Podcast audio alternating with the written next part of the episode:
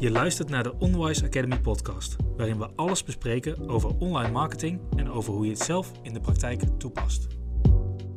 Nou, eh, welkom bij wederom een eh, nieuwe aflevering van de Onwise Academy podcast. Eh, we hebben vandaag Anne bij ons op bezoek aan tafel.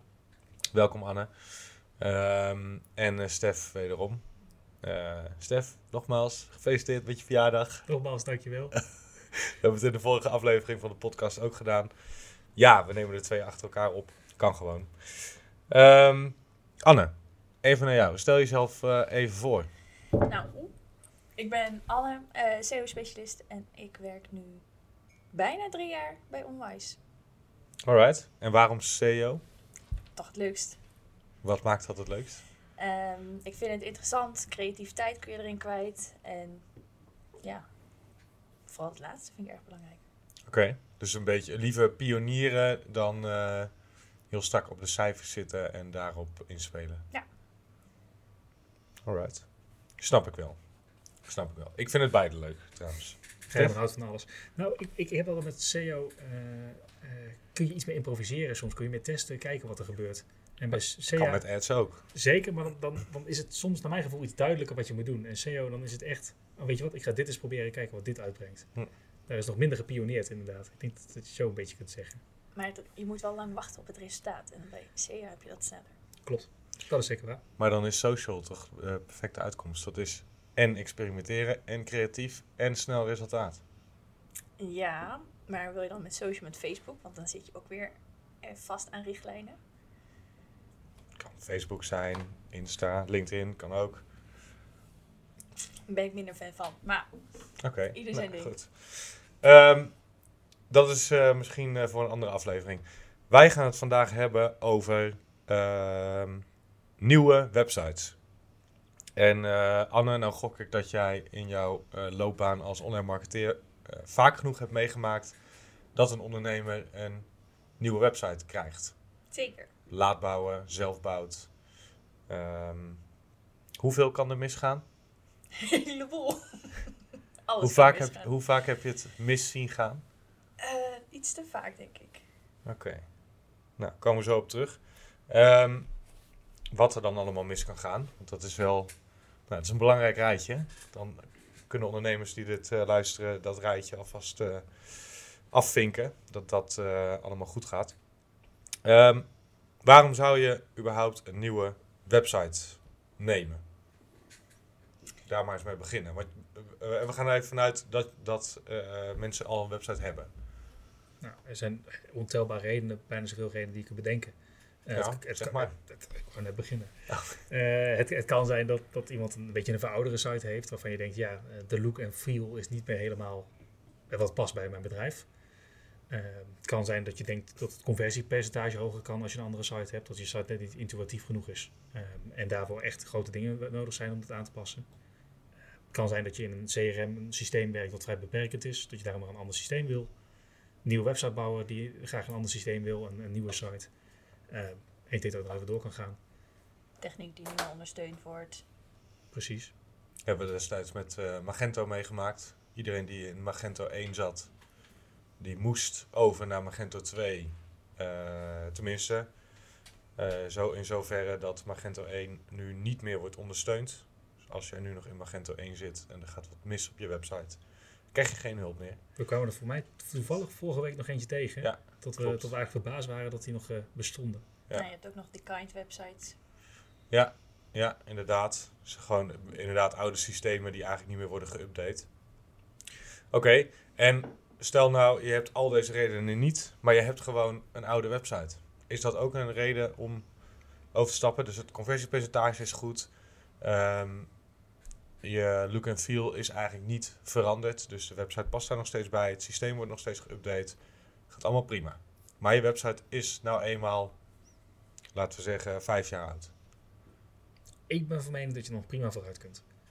Over het algemeen. Oké. Als jij zegt inderdaad het conversiepercentage is goed, hè, dat, is- dat is een heel belangrijk onderdeel. Eh, de site ziet er nog goed uit, het past nog bij jou. eh, en het wordt ondersteund, zou ik niet meteen een reden zien om van website te veranderen. Alleen omdat die vijf jaar oud is.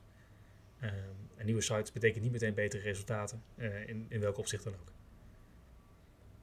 Je zult elke keer eerst een dip zien als je nieuwe websites hebt. Ah, 10% kun je, 20, 10% kun je wel vanuit gaan. het ligt er een beetje aan wat je doet qua URL's, eh, structuren. Maar ook de thema, dat werkt ook, Ja, zeker. werkt ook mee. Dus je zult wel iets van een daling zien. Maar ik denk ook dat je met een nieuwe website nog wel even... Of een nieuwe website met een vijf jaar oude website waar alles nog goed werkt... nog best wel even mee door kunt. Oké, dus eigenlijk eh, eh, hoef je pas te switchen van website als er echt Nou, een directe denk, aanleiding is. eh, ja, of je marketeer of jezelf of de websitebouwer geeft aan... ik loop toch echt ergens tegenaan. En dat je dan moet gaan kijken, oké, wat wil ik Ja, aanpassen? Ja, Maar precies. eh, wat denk jij dan? Ja, goede vraag. Eh, ehm, ja, ik ben het eigenlijk wel met jullie eens. Ik denk soms wel dat, dat, het, eh, dat het goed is om dingen weer even opnieuw te bekijken. Dat je een soort van eikpunt voor jezelf hebt. Bijvoorbeeld elke vijf jaar gaan we opnieuw eh, heel kritisch eh, nou ja, door al onze marketingmiddelen heen, waarvan de website er dus één is. En ehm, dat je op basis daarvan gaat kijken, willen we deze website nog? Past het nog echt bij ons? Dus dat je er echt even bij stil gaat staan.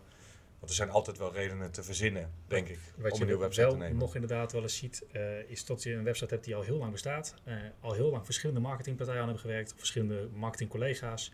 eh, waardoor er enorm veel plugins in staan die eigenlijk Ja. allemaal niet meer worden gebruikt. Eh 6000 landingspagina's die eigenlijk op precies hetzelfde woord zitten. Zombie pages. Ja, precies. En, en dan zou ik zeggen, het wordt het misschien een keer tijd voor een grote schoonmaak. En Ja. dat kan dan zeker met een nieuwe site.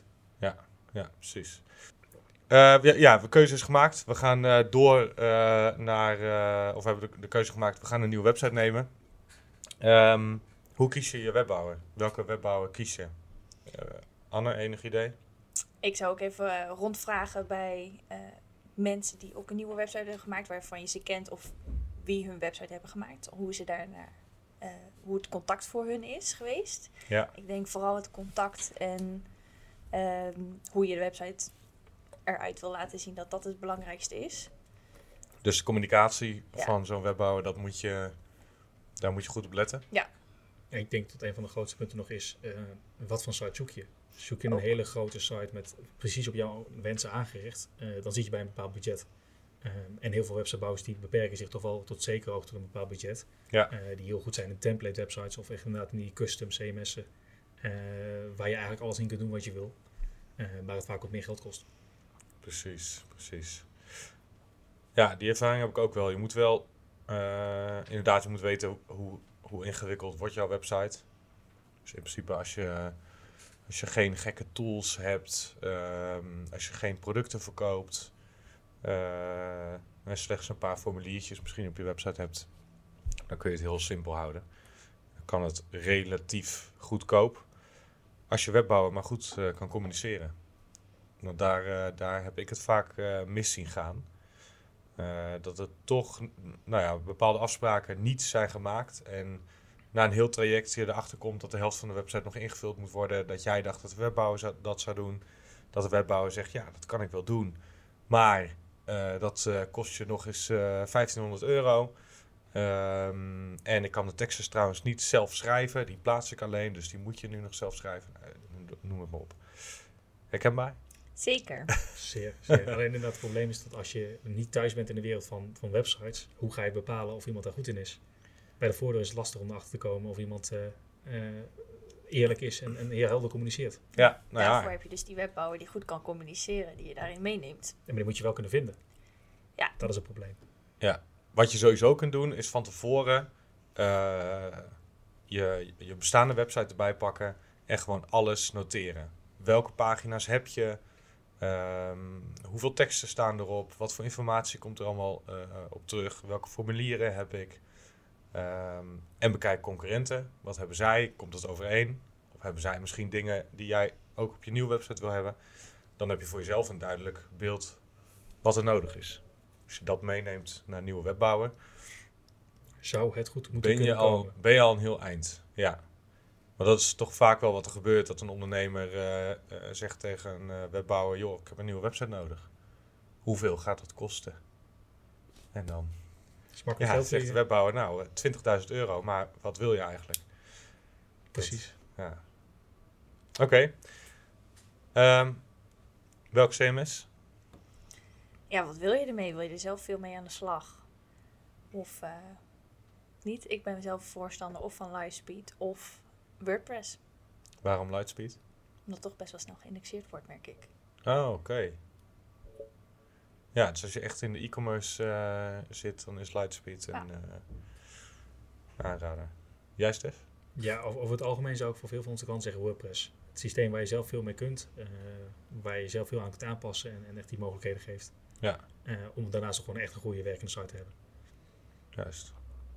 Ja, ik zou ook voor WordPress gaan, maar wel echt afhankelijk van wat je gaat doen. Natuurlijk, als je een webshop hebt met 10.000 producten, dan eh, eh, zou ik er niet meteen aan een WordPress denken. Dan ga je weer aan andere dingen denken. Precies. En als je, oh ja, je kunt het zo ingewikkeld en zo groot maken als je het zelf wilt.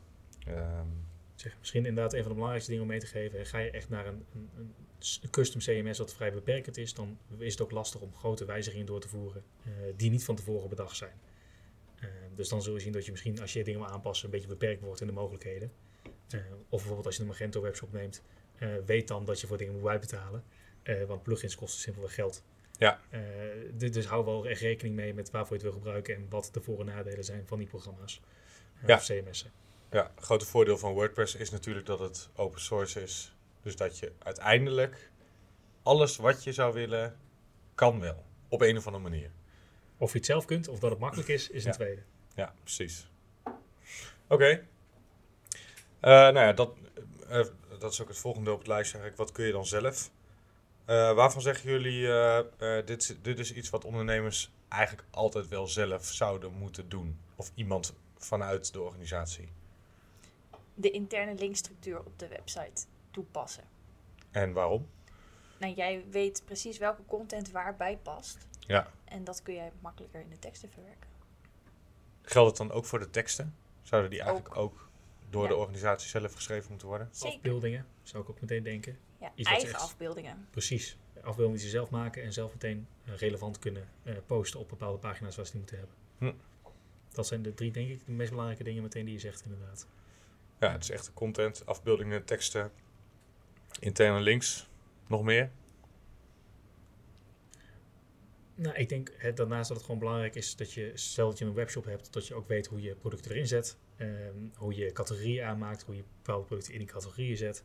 eh, en eigenlijk daarmee een beetje de, de, structuur van je site onderhoudt. Ehm, ik heb bijvoorbeeld ook een klant, en, en die heb ik al meerdere malen dit uitgelegd, maar die eh, snapt eh menustructuren niet helemaal. Als in, die weet nog steeds, die pagina's aanmaken prima, maar zorgen dat die pagina's in het menu komen te staan, vindt hij lastig.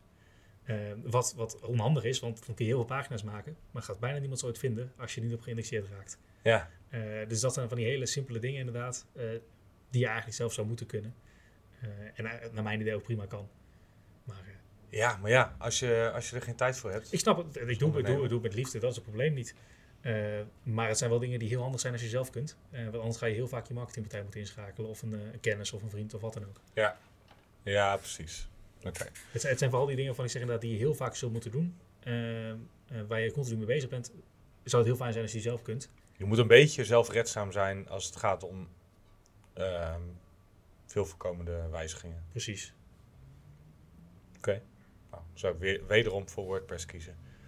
Dat eh, kun je toch makkelijk leren. Of Ja. Lightspeed. Ja, dat kan inderdaad. Als je, als je een heel makkelijk custom CMS hebt, waar, wat vrij beperkend is, maar wel precies waar jij in kunt vinden wat je moet kunnen vinden, is het ook een prima optie. Eh, maar dan moet je daar wel zeker van zijn. Eh, en er niet pas achter komen dat je toch niet weet hoe het werkt als je het al hebt. Precies, precies. Oké, Eh, helder. Nou, nog dingen waar je op eh, moet letten. Want oké, we hebben dus nu bepaald, eh, er moet een nieuwe website komen. We weten nu welke webbouwer het wordt, eh welk CMS eh, erin, waarin gebouwd gaat worden. Wat we zelf gaan doen, waar moeten we nou op letten? Welke pagina's wil je overnemen? Dat is belangrijk. En de pagina's die je niet wil overnemen, zorg dat dat dan een geredirect wordt naar een andere pagina, een bestaande pagina. Want, Eh, anders krijg je een 404. En 404 is natuurlijk nooit goed. En ja, verlies je ook wel weer een stukje techniek. En verlies je ook weer een stukje techniek en eh, waarde van de website. volgens mij is dat echt de meest voorkomende fout die ik heb eh, gezien. Ja, en eh, een website op no-index zitten. Ook dat, ja. Heb je dat meegemaakt? Zeker. En hoe ging dat dan? Eh, nou, dan wil je de pagina's eh, door Search Console heen halen. En dan zie je dat het allemaal op no-index zet. Of überhaupt de sitemap door Search Console heen halen. En dan, ja, niet crawlable. Maar wa- wat doet dat met het resultaat? Het keldert in één keer naar beneden. En je bent niet meer vindbaar voor Google, voor de robots. Dus ja, als Google je niet kan vinden, dan kunnen je bezoekers je ook niet vinden. Dus site die schreeuwt eigenlijk, kom hier niet. Ja. Eh, dus dan moet je niet raar opkijken dat eh, Google er niet meer komt en je lager inschaalt. Eh, terwijl je dat natuurlijk zelf helemaal niet wil, waarschijnlijk. Dus dat, dat is echt wel... eh, Maar hoe snel gaat dat dan? Stel, ik, eh, ik haal vandaag, eh, vandaag zet ik mijn nieuwe website live. Ehm, gaan we er even vanuit dat het een andere domeinnaam is. Is misschien goed om even te benoemen. De domeinnaam, daar hangt het natuurlijk ook vanaf. het Als- belangrijkste. Als je URL's exact hetzelfde zijn, dan maakt het niet zoveel uit, toch? Dat hij op no-index staat? Of? Oh, dat hij op no index staat, maakt al- altijd uit. Natuurlijk. Ja, ja, ja. Nee, ik bedoel, dan hoef je geen redirects eh, te plaatsen. Nee. Maar goed, we, we gaan even vanuit eh, de website eh, is nu overgezet. Ik heb niks gedaan aan redirects. Ehm, en per ongeluk staat hij op no index. Hoe lang heb ik? Dat hangt er af van wanneer Google langskomt met zijn eh, hamer. Precies. Ja, het ligt er een beetje aan. Google die komt continu op verschillende sites, loopt het hele, hele internet langs om eigenlijk overal te kijken hoe het staat. Eh, en op het moment dat hij bij jou langskomt dan, dan zal hij het opmerken. Eh, maar dat zal meestal, wat zeggen we, drie, vier, vijf dagen zijn maximaal. Nou, het kan ook binnen één dag als Google er even voor langs is geweest, maar het kan ook inderdaad een week duren Ja. voordat het opgevallen is, of soms zelfs een maand. Dus je kunt geluk hebben. Je kan geluk hebben. En, en het is natuurlijk wel zo, hè, die posities heb je voor een deel eh, gewoon eh, gekregen omdat de rest van jouw site goed staat. Omdat die content wel goed is, omdat je autoriteit in principe goed is. Eh, dus stel je zet eh, alles van no-index af, dan zul je wel weer redelijk snel omhoog schieten. Je bent niet wel eeuwig alles kwijt. Maar een deuk zal het opleveren. En Ja. het zal ook wel wat tijd kosten voor je dat je weer staat. Ja, precies. Dus het is niet zo dat je meteen alles, al je werk van de afgelopen jaren weggooit. Maar je hebt wel een flinke deuk opgelopen. Ja. Ja, en wat natuurlijk eh, hartstikke belangrijk is, is je autoriteit. De, de linkwaarde die je hebt opgebouwd. eh, om die ook eh, door te zetten. En dat kun je dus met de redirects ook doen. Ehm, ja, het is, dit is eigenlijk het standaard verhaal voor, voor elke online marketeer. Volgens mij hebben we het allemaal wel vaker meegemaakt. Een website die wordt overgezet zonder redirects. En ehm, ja, een week later eh, klopt de klant aan en zegt: eh, Ja, ik heb trouwens een nieuwe website live gezet. En het eerste wat wij vragen is dan. Zijn er redirects aangelegd? En dan zegt de klant: Weet Wat? ik niet. Wat zijn dat? Ja, Wat zijn dat? mijn websitebouwer die heeft daar niks over gezegd, dus dan zal het goed zijn. Nou, kleine tip: dat is niet goed. Nooit goed. Dus als je een nieuwe website laat bouwen, altijd redirects toepassen eh, tijdens livegang. Voor de livegang. Voor de livegang, net voordat je live gaat, redirects. Heb jij ooit zoiets meegemaakt eigenlijk? Want eh, moet je eens aan, mijn website-overgangen zijn allemaal tot nu toe vrij vlekkeloos gegaan.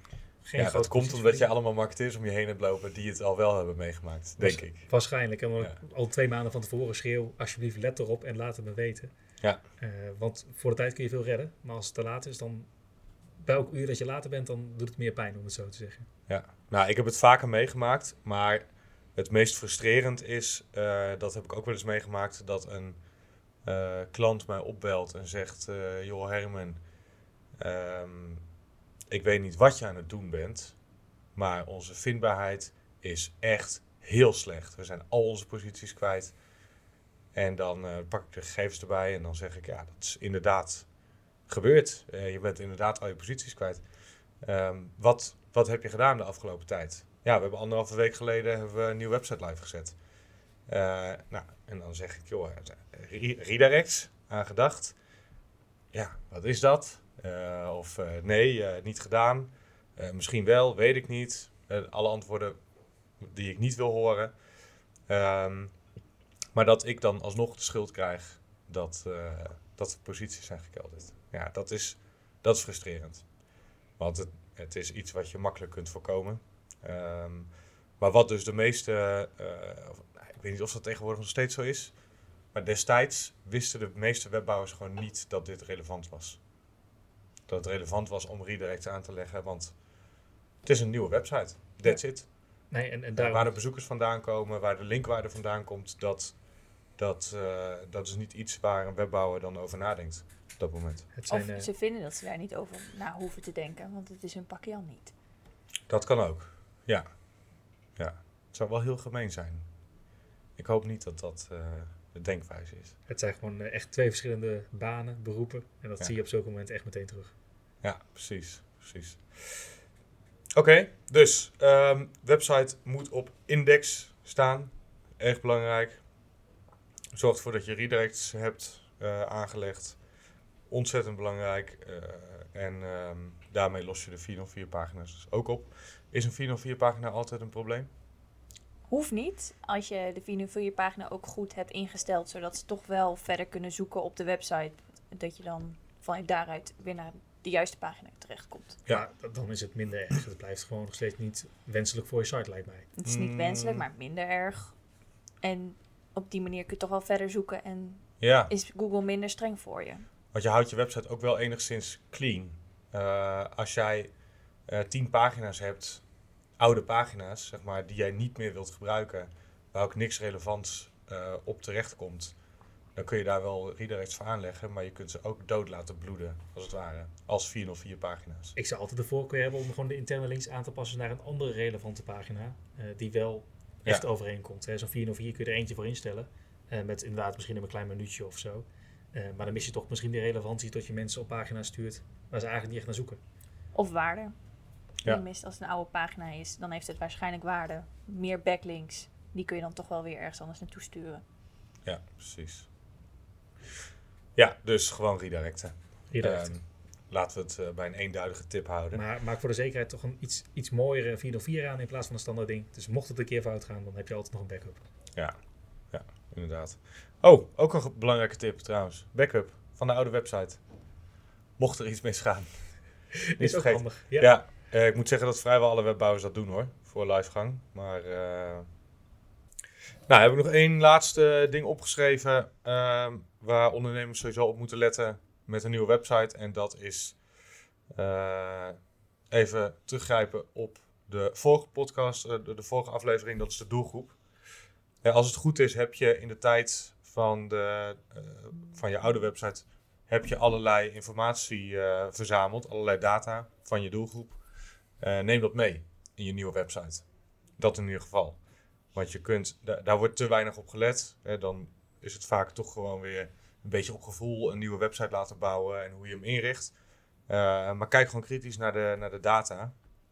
Eh, vraag desnoods een marketeer om met je mee te kijken. Ehm, omdat je op basis van die data kun je de nieuwe website perfect inrichten voor jouw ideale eh, beoogde doelgroep. Welke data bedoel je dan precies? Bijvoorbeeld? Ehm, nou, je kunt kijken naar welke pagina's het meest zijn bezocht. Ehm, eh, pagina's waar mensen het langst op zijn blijven hangen. Eh, Ja, dat is vooral Ja. analytics data is bijna. ja, vooral analytics data. Hotjar is ook een goede om daarmee te experimenteren. Heatmaps, Ja. ehm, video, recordings. Kijken wat je bezoekers doen op de website, waar ze op afhaken. Ja, En dan zie je ook echt waar ze op afhaken. In Analytics zie je vooral wat statische gegevens. precies. Dus eigenlijk zou je zeggen, eh, zodra je een keuze hebt gemaakt dat je een nieuwe website wil eh, laten bouwen, dan eh, ga je eerst even onderzoek doen naar je bestaande website. Ja. Met heatmaps, met click, clickmaps, met gegevens uit analytics, maar ook gegevens uit social media, zou ik zeggen. Dus ehm, nou, e- echt zo goed mogelijk in, in kaart brengen hoe je doelgroep eruit ziet, hoe je doelgroep zich gedraagt. Eh, en op basis daarvan ehm, de invulling van je nieuwe website bepalen. Je kan ook een aantal personen vragen om mee te kijken naar de website. Wat zou jij veranderen? Ja, En daarvan leren. goeie. Een soort van eh, panelgroep. Ja. Tien klanten uitnodigen en samen met ze. Geef ze een stukje kaart, eh, eh, taart en een eh, bakje koffie en dan eh, komen de meesten wel. inderdaad, inderdaad. Oké, eh, nou jij noemde al één tool, Hotjar. Dat is eentje die eh, eh, nou ja, je kunt eh, toepassen in je website om dus dingen te meten. Ehm, zijn er andere tools die handig zijn voor als je aan de slag gaat met een nieuwe website? Ik denk dat één hele belangrijke Google Search Console is. waarmee je eigenlijk meteen kunt zien of dingen op no-index staan. Of dat er redenen zijn waarom ze niet goed worden geïndexeerd. Eh, Als je nieuwe website al live staat. Ja, dat het zal vooral zijn als je nieuwe site pas live staat. Want Ja. hey, je crawlt eigenlijk de site die je hebt op dat moment. Eh, een testomgeving zou je ook wel kunnen crawlen, denk ik. Maar dan zul je met redirects en dat soort dingen een beetje in de problemen komen. Ja. Eh, en die hoort natuurlijk waarschijnlijk op no-index te staan. Eh, dus zeker loop gewoon even de belangrijke pagina's allemaal langs. Eh, geef Google Search Console problemen aan. Kijk wat die zijn. en los ze op waar nodig. Dan weet je al zeker dat je geen no-index of rare dingen hebt. Misschien er allemaal een goede Screaming Frog. Is eigenlijk een programma waarmee je door alle pagina's van een site kunt heen lopen. En die ook heel veel technische gegevens meegeeft. Eh, waardoor je eigenlijk meteen precies ziet, hè, er zijn er pagina's waar eh, H1's missen, die op no-index staan. Ja. Eh, of er andere dingen mee zijn. Nog meer? Als je, eh, ja, ik neem Google Analytics altijd weer mee. Tag Manager, vooral Goeie. Tag Manager nu voor GA4. Als je Google Analytics 4 wil instellen, aangezien dat in juni toch allemaal wordt omgezet in 2023, kun je alvast data verzamelen. Ja. Mm, Ik hoorde je net nog eh, rank math Oh ja. noemen. Je, je hebt Yoast voor, dat is een manier om metateksten te implementeren.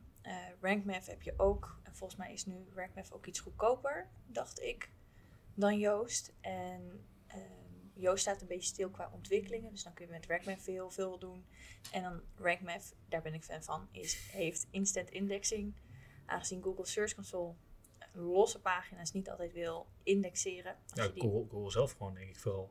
ja, Search Console wil het wel, maar Google wel, doet het niet. Google doet het niet, nee. Hm. Eh, met RankMath gaat dat een stuk sneller. Volgende dag is dat geïndexeerd. Kijk, dat is top. Oké, en eh rank math, dat is voor eh, WordPress, hè? Ja. Of is dat voor meerdere... eh, Nee, WordPress. Ja, En Yoast is ja. ook eigenlijk WordPress.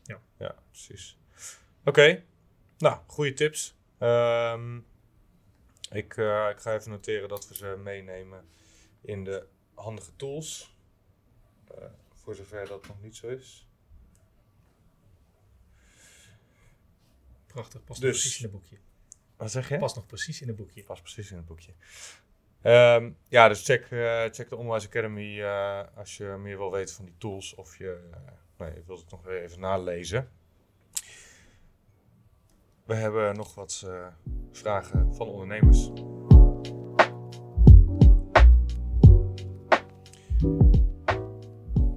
Eh, twee vragen die ik wil behandelen.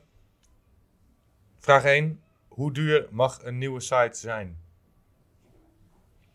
Oeh. Ja. Ehm, ik denk dat het heel erg ligt aan wat je behoeftes zijn. Ik denk dat je, dat je zo eerst moet kijken, hè, wat wil ik überhaupt en, en wat zijn de dingen die ik vraag van een eh, sitebouwer. En op basis daarvan kun je bepalen of, of wat een, ongeveer een redelijke prijs is. Ja. Misschien moeten we het wat- afkaderen. Dat is wel een hele brede vraag. Eh sky is the limit, volgens mij. Dat denk ik ook, ja. Dus je, je kunt eh, prima voor eh 5 miljoen euro een nieuwe website laten bouwen. Misschien wil je dat niet. Laten we zeggen, je hebt echt een basic website. Ehm, acht verschillende pagina's, een paar dienstenpagina's en de, de andere standaardpagina's. Ehm, een contactformuliertje, that's it. Ik denk dat je toch wel echt richting de 800 daarvoor zit. Of voor echt een basic website. 800 euro, dan ben je er al. Misschien Best wel, ja. Dat is, ligt eraan natuurlijk wat voor webbouwer het is. Maar ik denk dat eh, voor de basic basic. En dan moet je zelf waarschijnlijk ook nog wel aan het werk gezet worden. Door pagina's overzetten. eh, content overzetten. Dan zou 800 euro denk ik nog wel lukken. Ja, Als Precies. je, als je alles uit handen geeft. Ja, als je alles uit handen geeft. Als je zelf veel doet, dan zou je inderdaad dus ook zeggen rond die 1000 euro uitkomen. eh, voor een template site of een, of een niet heel bijzondere site wat dat betreft. Als je echt inderdaad een, een custom gaat doen, dan hebben we het over duizenden euro's. Eh, maar ja, dan, dan kom je weer in een heel variabel stukje. Wat wil je precies? Eh, Ja, en, precies. en alles daaromheen. Dus ja, dan wordt het een beetje lastig om het in te schatten. Oké, dus, maar we kunnen wel stellen, echt een basic website eh, en je doet zelf nog het een en ander rond een 1000 euro is acceptabel. Ja, en weet wel dat als iemand een site aanbiedt voor 200, 300 euro, tot je moet gaan twijfelen hoe die dat doet. Dan zul je waarschijnlijk heel veel zelf moeten doen. Ja, En ziet je website er waarschijnlijk exact hetzelfde uit als 100 andere websites. Vooral dat tweede gedeelte denk ik inderdaad. Ja, Ehm, Tenzij, en als iemand zegt, hey, 200 euro en ik doe alles voor je, dan weet je dat er iets niet klopt. Dan ga je waarschijnlijk geen site krijgen, denk ik. Dat zijn hele goede vriendjes. Ja, of, ja precies. Vriendenkorting. Ja, precies. precies. Alright. Ehm, ja, de, eh, hele brede vraag. Ingewikkeld ook om, eh, om te benoemen. Eh, ik denk het belangrijkste is, wat ik eerder ook al zei, noteer goed voor jezelf wat je eh, met die website wil. Eh, wat voor functionaliteiten wil je erin hebben, hoeveel pagina's, hoe moet het er om en nabij uitzien. Ehm, en dan ehm, nou, bij twee, drie verschillende webbouwers een offerte opvragen. Over, over het algemeen adviseer ik ook heel veel mensen, maak gewoon een tekening van wat je wil. Leg Ja. het visueel uit. En als je alles in tekst of, of eh, spraak gaat uitleggen, dan is het toch soms raar of lastig te Ja. begrijpen. Gewoon lekker optekenen. Ziet er misschien niet heel mooi uit, maar daar gaat het niet om. Maar het geeft wel een idee mee. Ja, en je zult zien dat de meeste webbouwers met om erbij dezelfde prijs komen. Dat heb ik nu al een paar keer meegemaakt. Ehm, want vaak zijn, eh, voor veel mensen zijn webbouwers een beetje vergelijkbaar met eh, de automonteurs. En ze kunnen zeggen wat ze willen ehm, en alles moet maar gebeuren. Jij hebt een rijdende auto nodig, dus dan betaal je ook maar. Maar vaak worden ze toch niet helemaal vertrouwd. Ehm, ja, ik heb het gevoel dat webbouwers over het algemeen daar wel vrij eerlijk in zijn. En zeker als je die vergelijking maakt, dan zul je zien eh, dat het eh, aardig op één lijn ligt. En dan ligt er natuurlijk ook aan wat voor webbouwer. Je hebt een webbouwer voor simpele websites en inderdaad custom made. Ja, precies.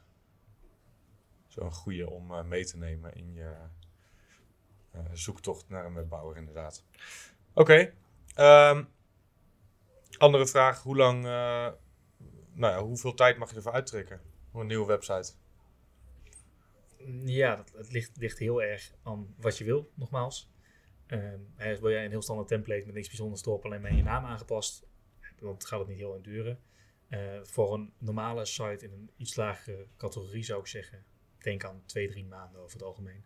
Ik denk dat dat een redelijk acceptabel tijdsbestek is. Vind ik best lang. Ik Waar ook. gaat dan zoveel tijd in zitten? Je zou ook binnen een maand kunnen doen.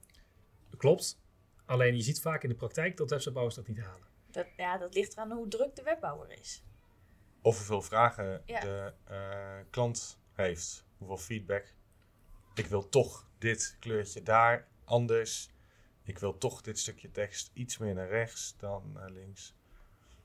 Ja, het kan heel snel gaan. Het kan, het kan heel snel gaan, de feedbackrondes, die... eh, Precies, en er zal altijd tijd werk in. tussen komen. Dus en wat ik zeg, bij twee, drie maanden hoe- zou ik niet meteen op stel te gaan staan van hé, hey, dit duurt veel te lang, dit slaat helemaal nergens op.